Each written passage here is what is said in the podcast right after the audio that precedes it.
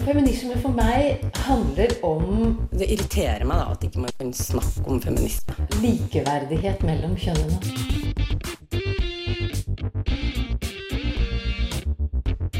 Det blikket på kvinnen på film. Det handlet om å bli tatt på alvor som jente.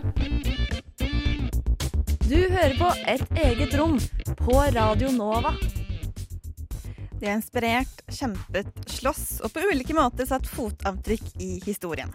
I dag så feirer vi noen av de kvinnene som på sine områder har ledet an kampen for et bedre samfunn.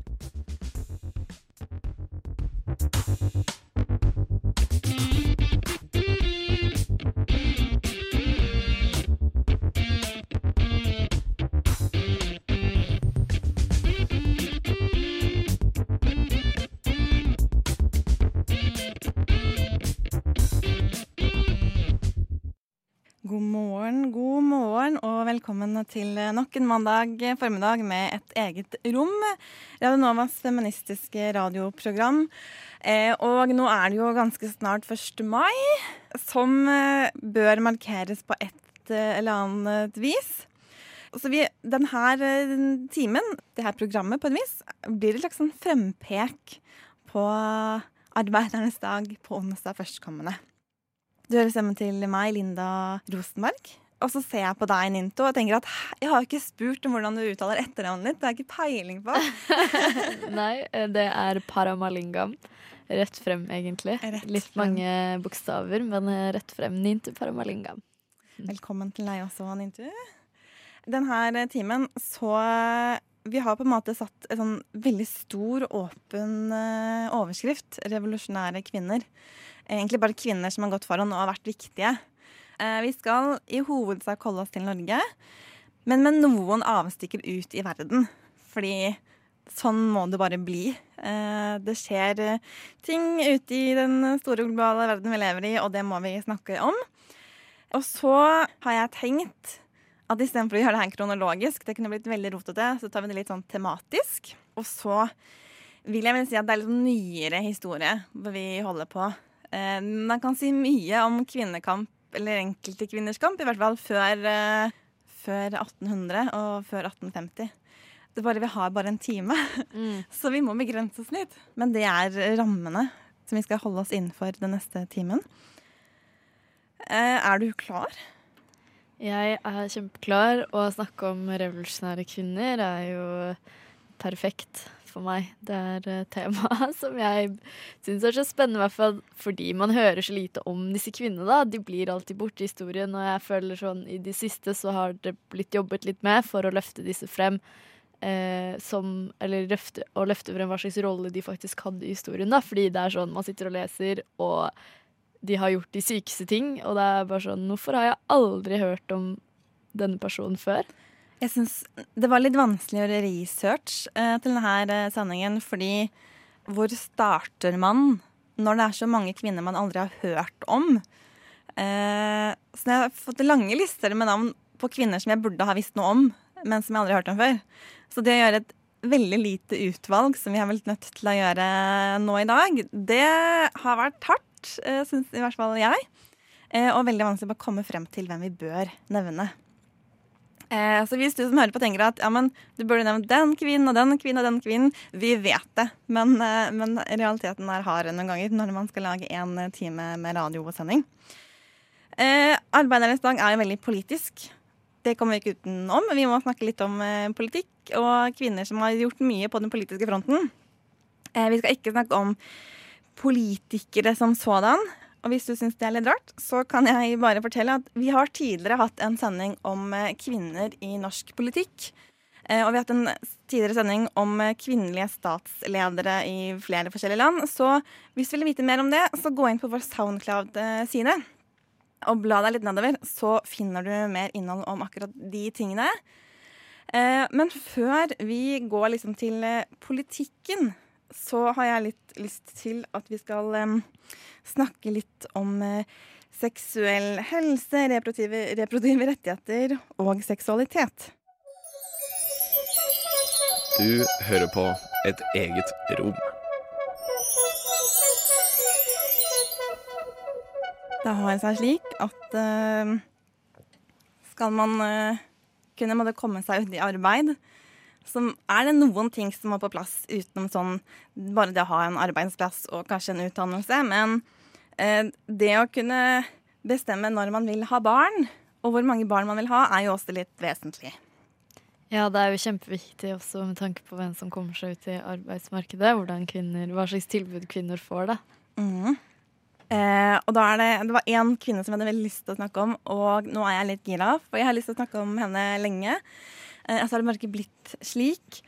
Fordi det er en veldig viktig foregangskvinne som var eh, født i Norge, i Rogaland, men jobbet mest i Sverige, men også senere internasjonalt. Og som også kvinnegruppa Ottar er oppkalt etter. Vet du hvem jeg snakker om da, Dintu? Nei, faktisk ikke. Nei, eh, hun het Elise Ottesen Jensen. Du ser, Jeg har faktisk ikke hørt om Jeg har ikke hørt om henne. Eh, og det er jo i mine øyne litt sånn krise. Derfor så er vi bare nødt til å snakke litt om eh, henne. Eh, fordi at eh, da hennes lillesøster eh, var 15 år gammel, så ble hun gravid og ble da sendt til Danmark. For det her var helt uhørt sånn rundt 1900 eller litt senere. Å være ugift kvinne og få barn. Så lille Magnhild som het, ble sendt til Danmark for å føde barnet og adoptere det bort, og fikk en sånn skikkelig psykisk knekk. Og da tente Elise på mange plugger eh, og tenkte nå her Altså, det her er så urettferdig at eh, kvinner som havner i den såkalte ulykka, hun skal liksom eh, straffes for alt mulig rart. Og Elise hun var egentlig journalist først, veldig aktiv for å organisere arbeiderkvinner. Eh, men hun fikk da jobb som skribent i eh, diverse sånne arbeider- og sosialistblader. Og i et av disse svenske bladene som hun fikk jobb i, der eh, skrev hun blant annet en sånn kvinneside. Hvor hun fikk masse brev som folk sendte inn, som hun svarte på. Og fikk eh, en slags forståelse for at det var ikke bare bare å være fattig, uutdannet kvinne i, som arbeider eller sånn småbondekone. Slik at Elise begynte etter hvert å reise rundt eh, i Sverige for å utdanne kvinner innen seksuell helse og reproduktive rettigheter. Og det her var på en tid hvor det var en lov som sa at man ikke kunne opplyse om prevensjon. Og det var noe av grunnen til at hun eh, særlig ikke til, eller sånn, ville gå til arbeiderkvinnene. Fordi borgerkvinnene som hadde utdannelse og som hadde liksom lettere tilgang på informasjon, de visste jo hva de kunne gjøre for å ikke få barn. Eh, og hvis de hadde barn, så hadde de økonomiske rammer til å ta vare på barna.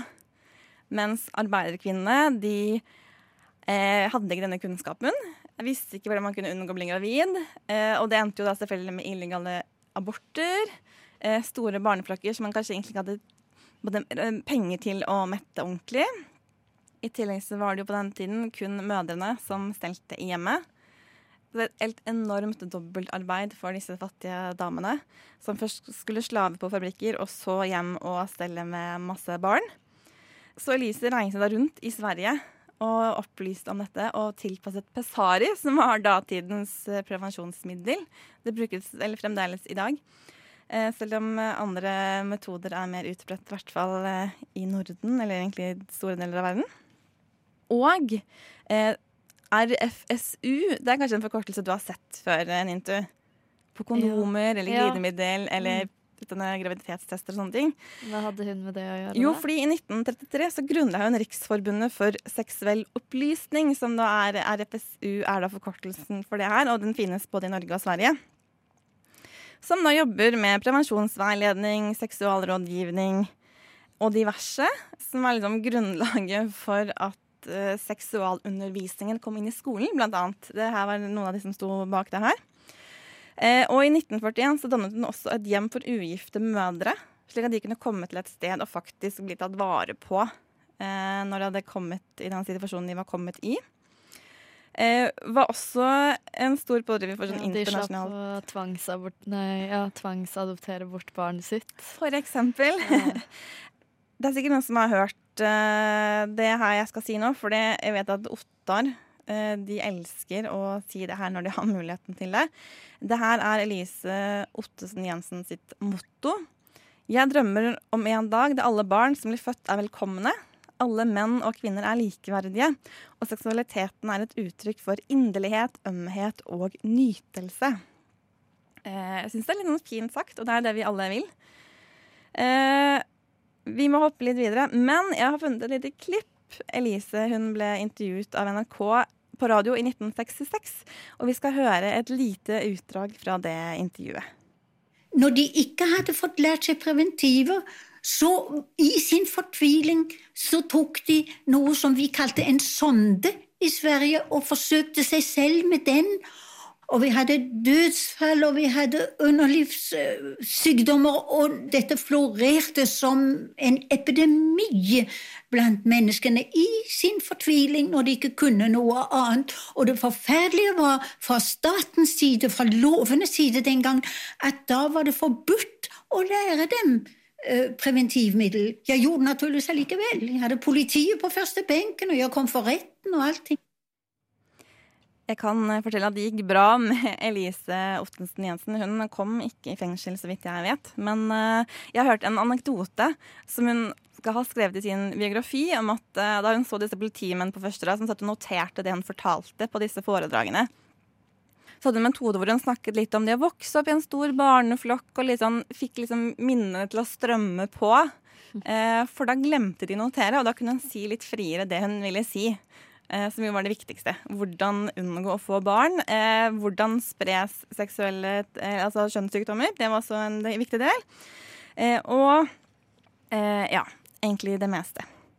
og så er det én kvinne, kvinne til som jeg har veldig lyst til å nevne når vi er inne på det her temaet. Det er Kim Friele, eller Karen Kristine. Aktivist og er liksom den største homoforkvinnen i, i Norge. Jeg så en kronikk fra Bergens Tidende som ble publisert for omtrent et år siden, hvor hun ble omtalt som eh, alle homofiles gudmor, eller noe i den duren. Hun er den som var sterkt meddrivende til at straffeloven avkriminaliserte homoseksuelle handlinger mellom menn, visstnok. Nei, altså, det sto bare menn i loven. Ja, fordi altså, det å være lesbisk var aldri kriminalisert. Nei, det var, det var bare menn. Derfor, ja. Men det hadde jo en ringvirkning også for kvinner, fordi kvinner ble også stigmatisert. Selv om det ikke sto i loven. Eh, og så fikk hun eh, strøket homofili som en psykiatrisk diagnose. Det skjedde i 1978.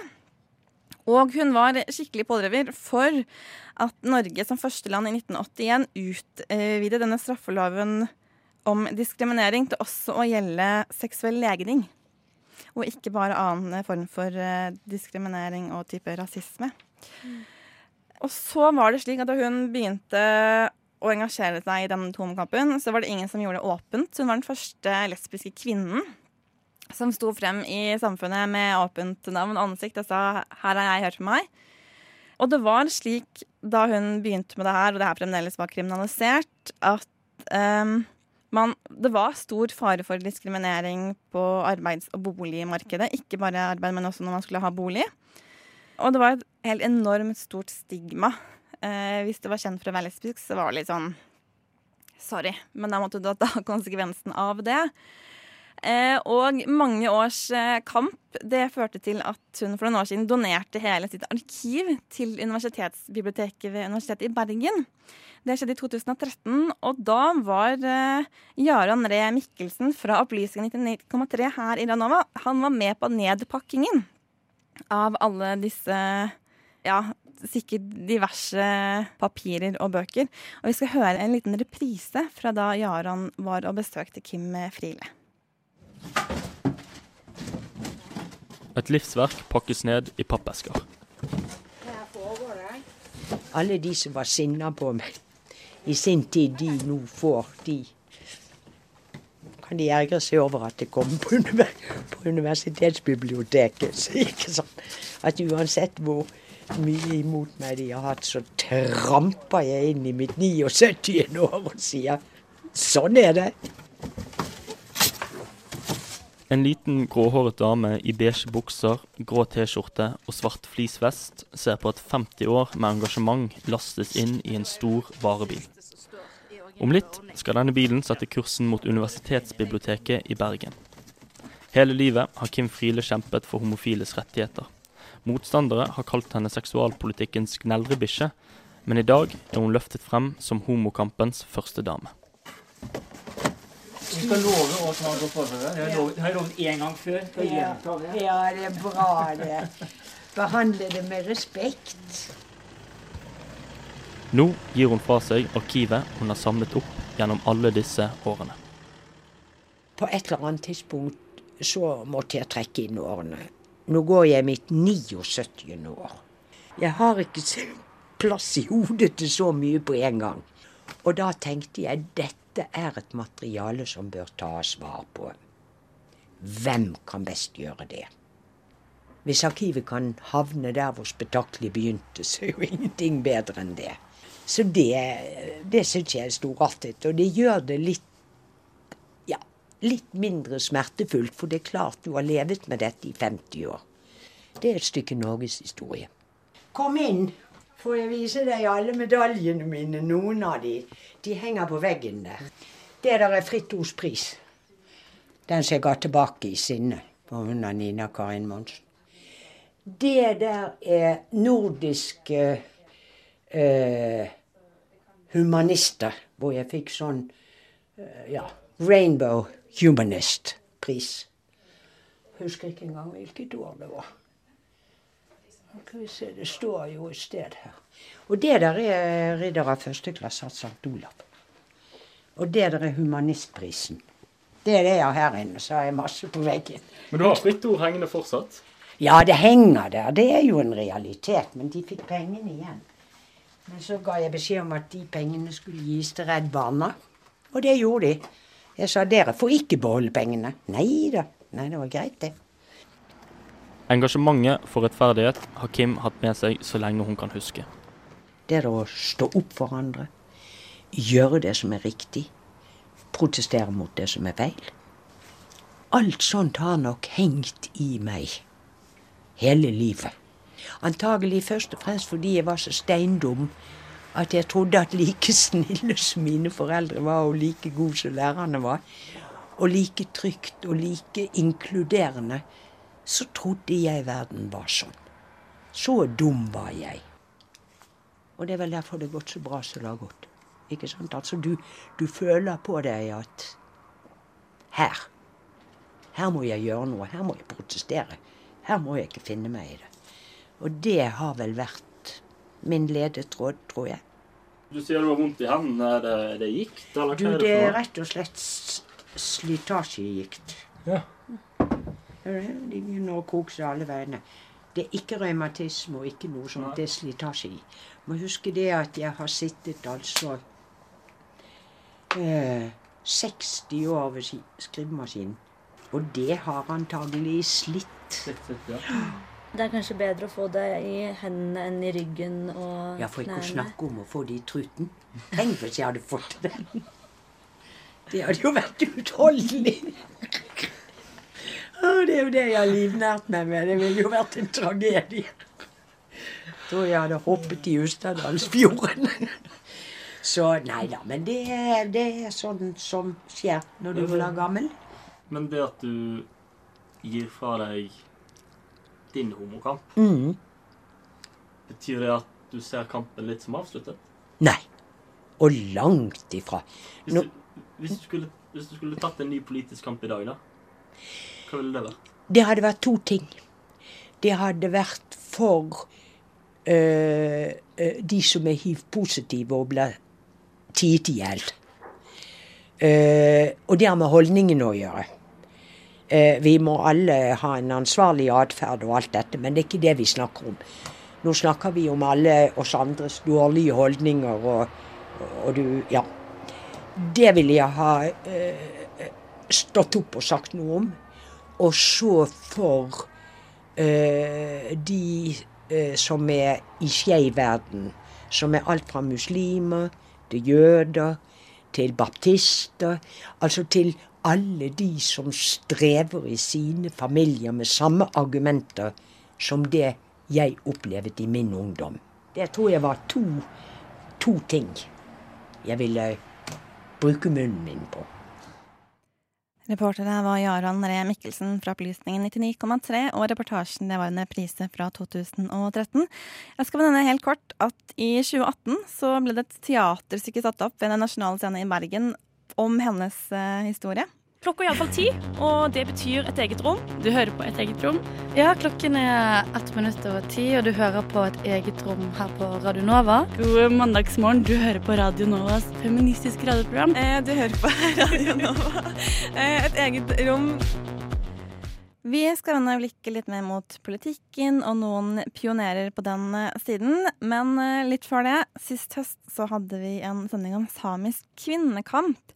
Og en av de sentrale skikkelsene i den historien, det er en kvinne ved navn Elsa Laula.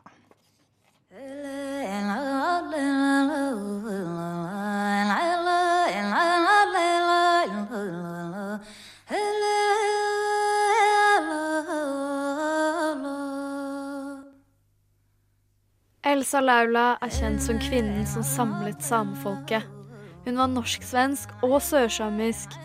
Hun var en pioner og leder for den første samiske forening som ble stiftet i Stockholm i 1904. Hun tok utdanning i Sverige i en tid hvor kvinner i høyere utdanning var høyst uvanlig, i en tid hvor kvinner ikke hadde stemmerett enda. En revolusjonerende kvinne under en tid som var mannsdominert. Det kunne ikke ha vært enkelt.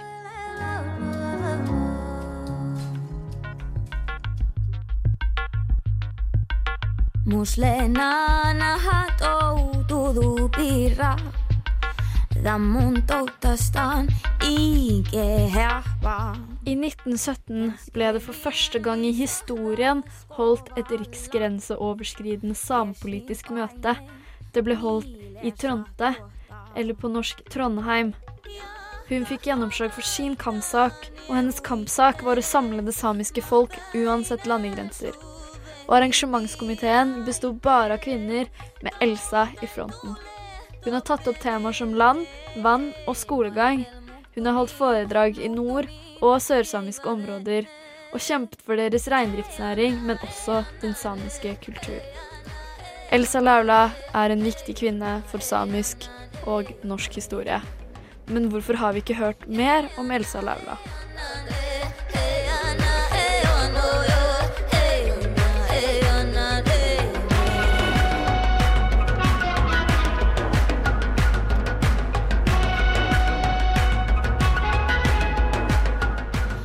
Frem til 2017 var hun en ukjent kvinne for mange. I 2017 var det 100-årsjubileum for det første samepolitiske møtet som ble holdt på Tronte. Da ble Elsa trukket frem som en kvinne som har vært sentral og oppnådd mye for kampen om samenes rettigheter. Hun har ikke fortjent å bli glemt, og det var på tide at hun får anerkjennelse og en større plass i historien som et symbol på samisk kamp og kvinnekamp.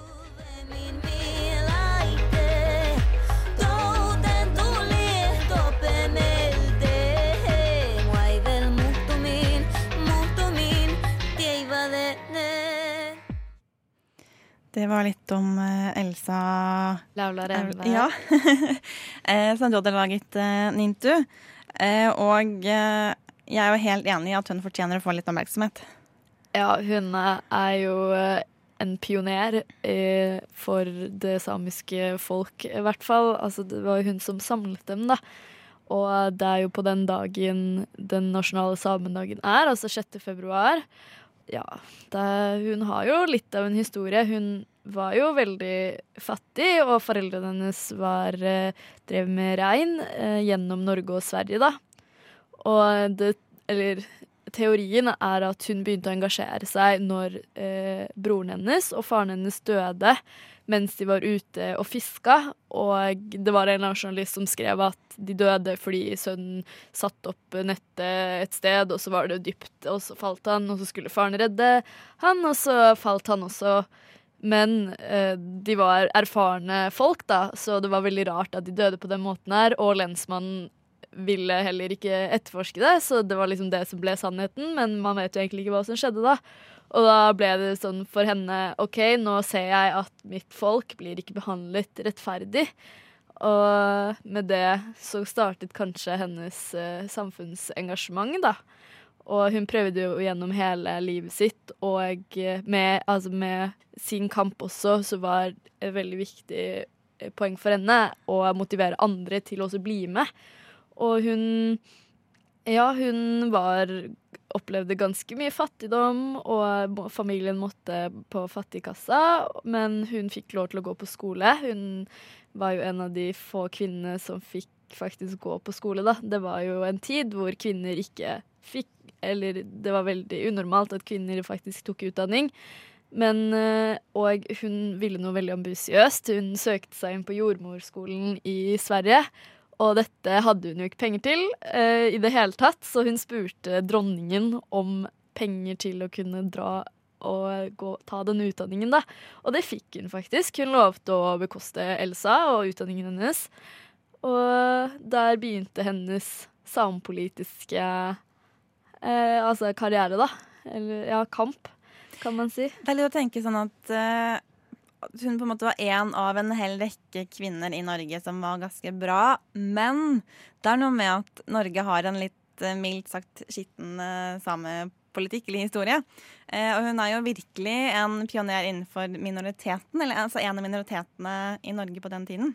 Som gjør det hun bare enda mer imponerende det hun fikk til, og det hun gjorde. på Ja, ikke sant. Det er jo viktig å tenke på hva slags klima eh, man hadde på den tiden. Og det var jo en klima hvor man faktisk begrunnet eh, med liksom hvit, Eller man drev med raseideologi eller rasebiologi, da, hvor man faktisk trodde at samer var dummere. At de var liksom et barnefolk. Eh, og at for, fornorskningspolitikkens mål var blant annet å skulle løfte dem opp sånn at de ikke var et eh, barnefolk, da. Og det var jo en av hennes Jeg kan jo lese noe hun sa, eh, og det er jo gammelt norsk, men eh, Lappen har virkelig vært dum. Han har ladet seg kionere av de norske bønder, av handelsmannen, av fogden, og han har følt seg som den underordnede individ som de andre hadde rett til å tyrannisere. Han har manglet mot til å sette seg opp og si 'jeg er et menneske som du', og lappen er jo det, et annet ord for samla. Så på, på, på en måte bare det at nå har vi vært Eller nå må vi på en måte stå opp og si at vi er også mennesker. Eh, ja, også dette eh, altså i et klima hvor samer og deres land eh, Altså rettigheter i deres land og altså sin egen kultur var så under trussel, og i tillegg til ja, kvinnesynet på 1900-tallet var ikke så veldig bra. Dette er jo, dette er jo sånn tidlig 1900-tallet. Så nei, det er imponerende hva den damen har fått til. Men du har funnet en annen kvinne fra nord, som også Ja. var en pioner på sitt eh, område igjen. Ja, dette Hun ble jeg skikkelig overraska over at jeg ikke har hørt om før, men hun heter Elisif eh, Wessel. Og hun eh, Hun var jo også en pioner, og også fra tidlig 1900-tallet, da. Så eh, hun var jo en Hun var skribent, og hun skrev også for en del sånn sosialistiske blader.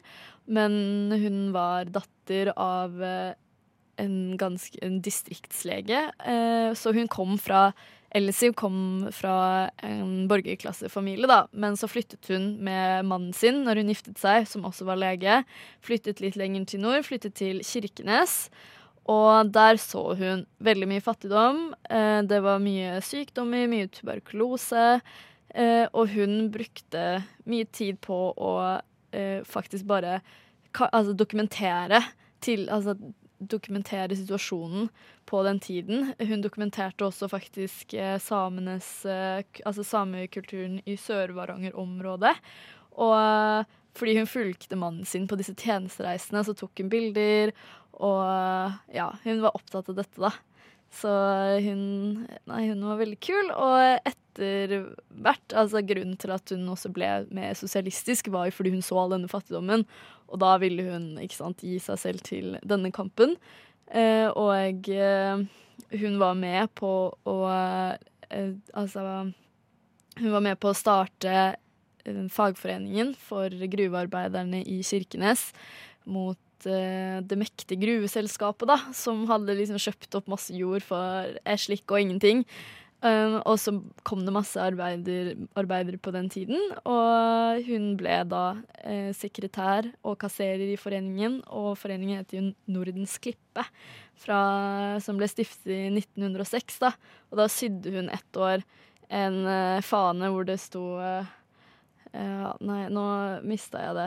Men uh, hun Og hun blir også feiret hver eneste 1. mai. Hun, altså Graven hennes blir uh, bekranset hver ja. 1. mai, så hun er på en måte en stor sånn uh, ja, skikkelse i både arbeiderkamp og kvinnekamp. Da. Hun var kjent for å ville ta imot russiske flyktninger når den første revolusjon... Eller første Ja, når de prøvde å få til revolusjon i 1905, så tok hun imot eh, russiske flyktninger fra grensen, og det sier til og med at Trotskij bodde hos henne en stund.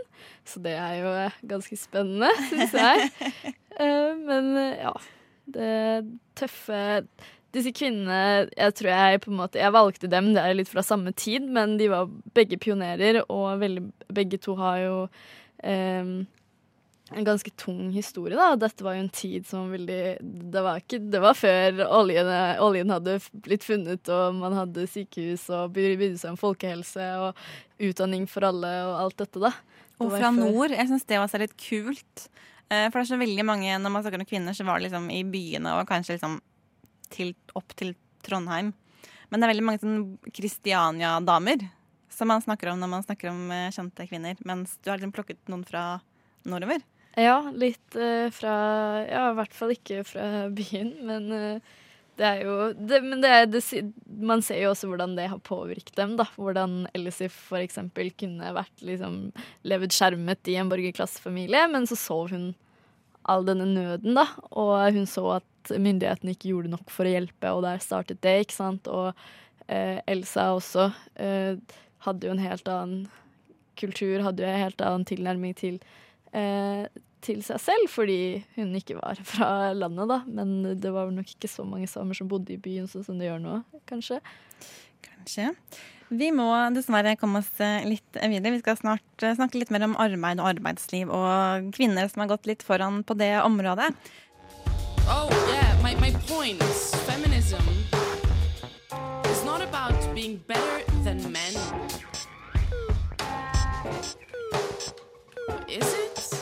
Et eget rom prøver å finne ut hvor mye feminisme egentlig kan være. Hver mandag på Radio Nova. Og det er Linda og Nintu som eh, sitter her denne mandagen og eh, tar nesten litt sånn 1. mai-markering på forskudd. Eller i hvert fall har litt sånn oppladning til akkurat eh, det. Eh, vi har snakket litt om eh, altså reproduksjon og seksualitet, og litt om eh, politikk, eller i hvert fall to pionerer på sine områder. Og eh, nå har vi kommet til arbeid og arbeidsliv. Eh, og her er det så mange damer å nevne. Så ja, det, jeg skal prøve å unngå masse name-dropping. Og så må jeg bare si at ja, jeg er klar over at det er mange som nå ikke blir nevnt. eh, Og det må du som hører på, bare overleve. Eh, Fordi sånn er det når man bare har begrenset med tid eh, til å snakke om det man har lyst til å snakke om. Men noe vi bør snakke om, da, i og med at det straks er eh, 1. mai, og det tror jeg ikke så mange vet, det er at den første streiken i Norge, det var det kvinner som eh, gjorde. Og det syns jeg er litt kult. Og det her skjedde i 1889, så det er 130 år siden i år at det her skjedde. Det er jubileumsår. Eh, og enda en Oi. eh, større grunn til å nevne Det her. det visste jeg ikke at det Nei. var jubileumsår. Det visste Det jeg litt før akkurat i dag, når jeg slo det opp i dag tidlig. Eh, men det var da fyrstikkjentene, Kristiana og to fyrstikkfabrikker, som streikte. Og det er en av de aller mest berømte streikene. Ikke så rart. Det var liksom den første, og det var kvinner, og det var fyrstikkarbeidersker som var liksom nederst på rangstig, nesten. Altså de ikke veldig bra betalte arbeiderdamer som da streiket fordi at eh, det ble lønnsreduksjon. Men ikke bare det. Altså, det var ikke bra arbeidsvilkår. Eh, Det var eh, generelt lav lønn, veldig lange arbeidsdager og helseskadelige forhold pga. fosforen som man bruker på fyrstikker. Og det som er litt interessant, er at eh, før 1890-årene så var det nesten uhørt at man skulle en måte, ha en sånn her type markering, fordi bare det å ha en jobb, en fast jobb, det var liksom litt sånn lykke i seg selv. Selv om det var dårlig betalt. Fordi alternativet var liksom å ikke ha noen inntekt i det hele tatt. Ja, Snakker vi ikke sånn om veldig mange andre land også? Jo, Den veldig. derre, ja, men da har de i hvert fall en inntekt, da. Eller Ja. er alternativet at de ikke kan jobbe, eksempel. Men Eh, men så da skjer det her da i 1889. Og bare det dette skjedde, var litt sånn oppsiktsvekkende. Og at det var kvinner som gjorde det, var enda mer oppsiktsvekkende. Så jeg syns det er litt kult at uh, det her er liksom kvinner som var de, de første streikerne. ja, det var jo kult at det var kvinner, men sikkert fordi det var de som hadde det verst. Ja, det, ikke sant? jo, det er også et viktig Ja. poeng. De hadde det absolutt verst.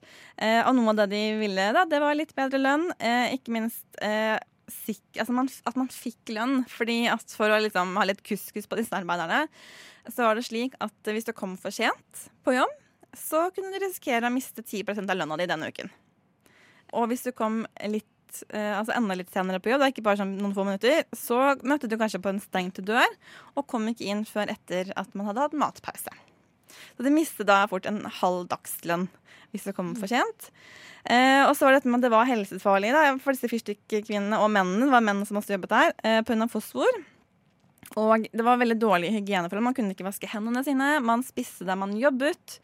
Eh, og fosfor gjorde at man hadde generelt dårlig helse. Man fikk veldig dårlig tannhelse. Også disse kvinnene de fikk masse positiv oppmerksomhet. Det kom masse penger inn til en streikekasse som man ikke hadde før det her. Eh, og bare kort tid før streiken så fikk man også da den første eh, organisasjonen, eller fagforeningen, for disse fyrstikkvinnene. Eh, for det var veldig få kvinner som var organisert før det her. Eh, dessverre så tapte de litt. De måtte bare gi seg til slutt. eh, uten at det kom store endringer på fabrikken. Men året etter så satte regjeringen seg ned og gjorde noen vedtak. Eh, som inneholdt forbud mot matspising i produksjonslokaler i fabrikker.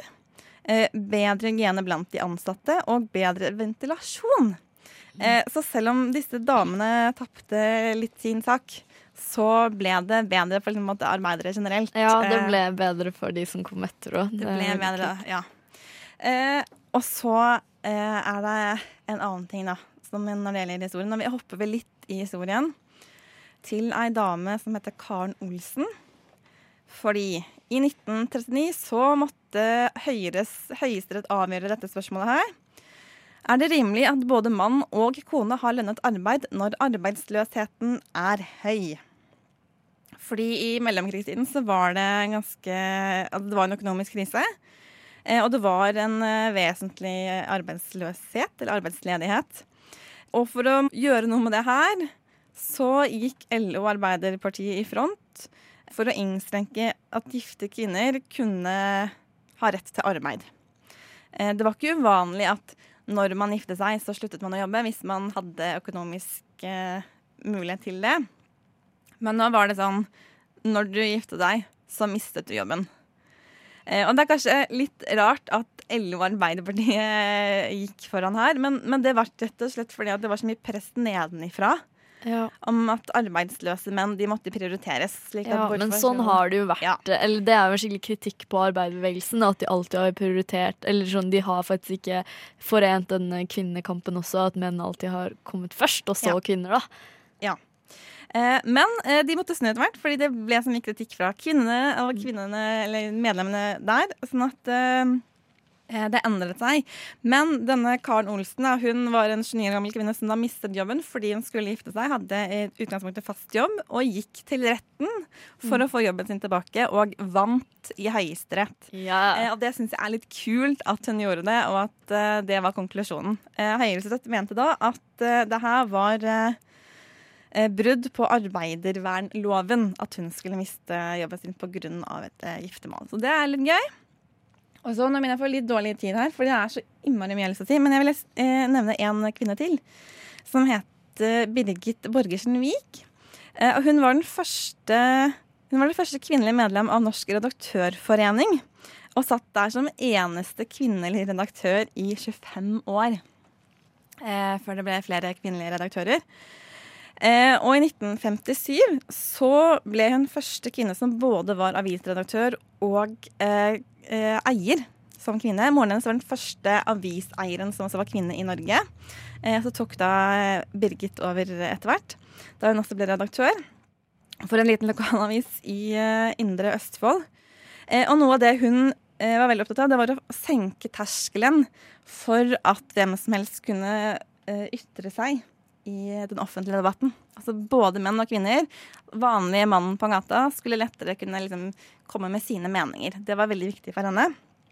Og en annen ting, da.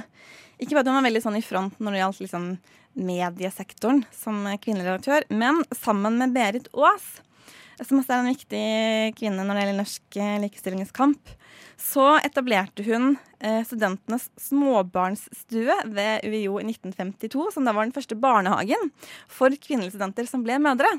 Fordi at Før det så var det sånn at hvis du ble mor og var student, så måtte du bare droppe ut av studiene dine. Eh, og det syns jeg også er veldig kult at Ja. de gjorde. Rett og slett. Imponerende. Ja. Eh, og så Åh, vi har så mye jeg har lyst til å si! Nå bare rusher jeg litt på. Fordi at eh, hun var veldig opptatt av at kvinner skulle inn i kommunepolitikken, og klarte å sette i gang en sånn eh, kampanje for at flere kvinner skulle stille til valg og bli valgt inn i kommunepolitikken. Og det noen har ment, da, det er at nettopp det at hun var eh, redaktør, gjorde at hun hadde liksom en posisjon i samfunnet hvor folk hørte på henne. Eh, har kanskje gjort det lettere for henne som redaktør å si sånn Vi må ha flere kvinner inn i politikken, og så ble det sånn. Så, Ja, hun hadde også en legitim stemme, da. Ja, Mm, rett og ja, hun var liksom en seriøs aktør, og hun hadde mye å si, og kult. Det er bra når folk bruker den, det ansvaret man har da, Ja. egentlig. Ja, jeg syns det er veldig gøy. Vi skal etter hvert oppe til eh, klima, fordi klima, som vi vet, det er også kvinnekamp. I like to joke about the man box, which is like you can only be a man if you fulfill these certain qualities and you stay within this Mhm. square. Du hører på Et eget rom på Radio Nova. Some of the best feminists I know man. Klimakamp er også kvinnekamp. Det kunne vi brukt flere timer på å snakke om. Og leter du litt eh, i våre tidligere podkaster, så vil du finne en pod om feminisme og klima. Eh, men nå er det ei helt spesifikk jente vi skal eh, snakke litt om, som har mobilisert unge mennesker i store deler av verden. Vi skal føre et lite klipp av henne. Many people say that Sweden is just a small country and it doesn't matter what we do. But I've learned that you are never too small to make a difference. And if a few children can get headlines all over the world just by not going to school, then imagine what we could all do together if we really wanted to. But to do that, we have to speak clearly, no matter how uncomfortable that may be. Det var sikkert noen som registrerte at det her var stemmen til Greta Thunberg. Eh, Er det noen andre man tenker på når man er sier eh, kvinne og miljø? eh, og mobilisert mange ungdommer. Det er Greta. i Jeg så en veldig eh, spennende kommentar for noen dager siden. Jeg husker ikke hva som sto der, men det var noe med at hva er det med smarte damer som er så skremmende for folk at de må liksom snakke de ned, og gjerne hetse de litt. Eh, da, det siste med henvisning til hun Lan Marie Berg. Men særlig når det gjelder Greta Thunberg, så opplever jeg, eller jeg har liksom sett, at det er en del godt voksne med litt sånn eh, Ja, de bare liker å snakke ned unge mennesker som engasjerer seg, og det irriterer meg veldig mye. Ja, det Sånn generelt, er liksom. jo fordi de, eller de tror jo ikke på saken. Nei. Kanskje de ser altså, sånn, Jeg tenkte på det her om dagen, at denne Altså alle denne forurensningen har jo skjedd på noen få tiår, fra sånn 70-tallet typ, og den der neoliberalismen skal produsere Ja, ja. sykt mye av én ting, eh, og skal produsere veldig mye, ikke sant, sånn effektivt. Eh, det er jo det som også har gjort at verden er eh, eh, ja, er i den stasjonen den er i dag. Og det er jo den generasjonen som kanskje fortsatt lever, som eh, ikke har skjønt de alvorlige Ja. konsekvensene. Jeg vet ikke. Jeg har tenkt litt på at Da jeg vokste opp på 90-tallet, så var det veldig kult og hipt å være med eller syntes jeg da, eh, i Blekkuls miljødetektivklubb, som nå heter Miljøagentene. Eh, og så opplever jeg litt at Men det har jo ikke skjedd en dritt siden 90-tallet. Mm. Frem til nå er det så vanskelig å liksom gjøre de rette tiltakene, og det er det jo tydeligvis, da. Det er jo det. Men sånn, om alle vi har snakket om også, så er det jo fortsatt altså det de kvinnene vi har snakket om, kjempet for på den tiden, som er alt fra, ikke sant, det var fra sent 1800-tallet til midten av 90-tallet til nå, så er det fortsatt aktuelle saker.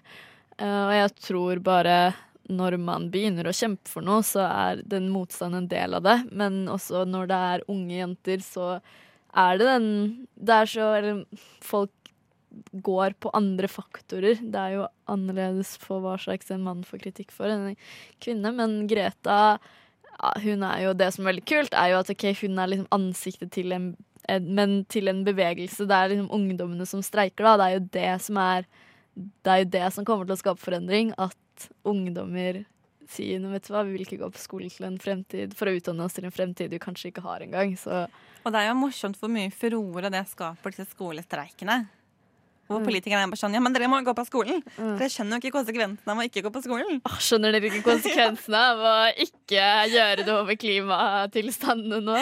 Ja, men det er liksom sånn herre OK, men vet dere hva? Dere kan få lov til å kritisere Eller nei, de får ikke lov til å kritisere, men de kan gjøre det. Men altså, den bevegelsen kommer jo fortsatt til å eh, stå, da. Av den saken går jo først. Det er jo eh, Selv om vi snakker om disse damene eh, som ja, vi, snakker, vi blir liksom personfokusert, men det er liksom viktig å tenke på at det, det er en del som er større enn bare dem, da. Og så er det jo jeg synes det er så gøy at hun eh, på, Altså, om man lytter til henne, kan man jo si på to måter. En ting er skjer det noen endringer, men en annen ting er jo at hun får masse taletid. Eh, og det er jo viktig i seg selv for å liksom spre det man vil si, da. Eh, og for å kunne mobilisere alle disse unge menneskene som nå er mer engasjert enn kanskje på lenge. Ja, og så er hun bare så flink. Det er Ja. sånn Herregud, det går 20 sekunder, og jeg gråter allerede av den talen her. Det er jo skikkelig rørende. Jeg tror eh, kanskje det at det kommer fra en Altså kommer fra en 16 år gammel jente som er et barn, snakker sånn her til voksne, og selv også Man ser liksom i øynene hennes at hun er også oppriktig bekymra. Så det, altså at hun Det er på en måte det som appellerer til folk. Hun er en veldig flink taler, men uh... Og så er hun så kunnskapsrik uh, oppi det hele. Altså Man får litt sånn eh, tillit til at hun vet faktisk hva hun snakker om. Ja. Uh, for det får man kanskje ikke alltid helt noen tillit Når det er eldre politikere, da. Så er det sånn, Ja, du sier mange fine ord, men hva vet du egentlig, og hvor mye bryr du deg egentlig? Men her er det en som én vet mye, og to genuint brenner for denne saken. Ja, og så er det liksom Det er akkurat dette vi trenger, fordi klimaendringer har blitt dokumentert av hvor mange forskere i hvor mange Altså hvor lenge, og folk gidder fortsatt ikke å høre på det. Politikere gidder fortsatt ikke å høre på dette eller ta det alvorlig nok, men at vi trenger faktisk noen som endrer holdningene til folk, som appellerer til mennesker eh, og vil at de skal skape en forandring på en annen måte, fordi man har liksom bevis på at det skjer. Det er ikke diskusjon om det skjer eller ikke, det er hva skal man, altså, hvordan skal vi gjøre noe da? Og da trenger man ikke sant, eh, Greta som klarer å mobilisere, som ikke bare er, er en organisasjon eller eh, noe sånt, men noe større, da. Det Greta, altså. Ja. jeg syns det er veldig kult at eh, Men det er jo veldig, veldig mange kule klimaforkjempere der ute. Hun er eh, Hun er i godt selskap, men hun går veldig foran, og vi Mm. digger eh, henne. Mm. Du som er sliten og sinna og lei. Nå vil vi synge ei vise til deg om at kvinner kan si fra, protestere og slåss. Bli med hos oss. Du hører på Et eget rom. Likestilling kommer ikke av seg selv. Det er så veldig mye mer jeg skulle ha lyst til å fortelle eller snakke om, eh, men eh, tiden løper litt fra oss, så vi må bare runde av, eh, rett og slett. Vi har nevnt noen få. Mange kvinner er glemt. Slik er det når man bare har en time her på Radionova til rådighet. Savner du som hører på noen eh, kvinner, så send oss gjerne en beskjed. Fordi vi syns jo det er gøy å snakke om disse kvinnene, og ta gjerne en ny runde med andre viktige kvinner som man bør høre om. Foregangskvinner. Eh, og du finner oss både på Instagram og Facebook, så send oss gjerne en melding om det er en kvinne eller to eller tre som du mener at vi bør snakke mer om, og så gjør vi kanskje det sånn på sikt. Bare sånn eh, helt eh, kort, skal du gjøre noe på 1. mai, Nintu? Ja, jeg, eh, åh, jeg er skikkelig glad i 1. mai. Det, 1. mai og 8. mars er mine favoritter. Det betyr mye mer for meg enn 17. mai eh, for tiden. Men ja, jeg har vært med på alt. Jeg har lagd banner, jeg skal gå i frokost, jeg skal gå i tog. Veldig bra. Eh, hvis du som hører på er litt sånn usikker på hva, når skjer ting, eh, så er det da at på Youngstorget så starter arrangementet 11.20. Altså 11.20. Eh, og så starter demonstrasjonstoget ca. kvart på ett. Så vet du som hører på når du bør befinne deg på den plassen i Oslo for å være med på toget litt. Eh, ja, da må vi egentlig bare runde av. Du har hørt eh, Et eget rom med Linda og Nintu. Og i tillegg så har vi fått et innslag fra Jare André Mikkelsen fra Opplysningen 99,3. Skal vi bare si hei og ha det og liksom gå ut og gjøre det vi gjør når vi ikke er her? Ja, vi får gjøre det. Dessverre. Dessverre. Da sier vi eh, takk for oss. Og så må alle som hører på, bare digge 1. mai like mye som det Ninti og jeg gjør. Eh, Og så hører du Et eget rom neste mandag klokken ti her på Radio Nova.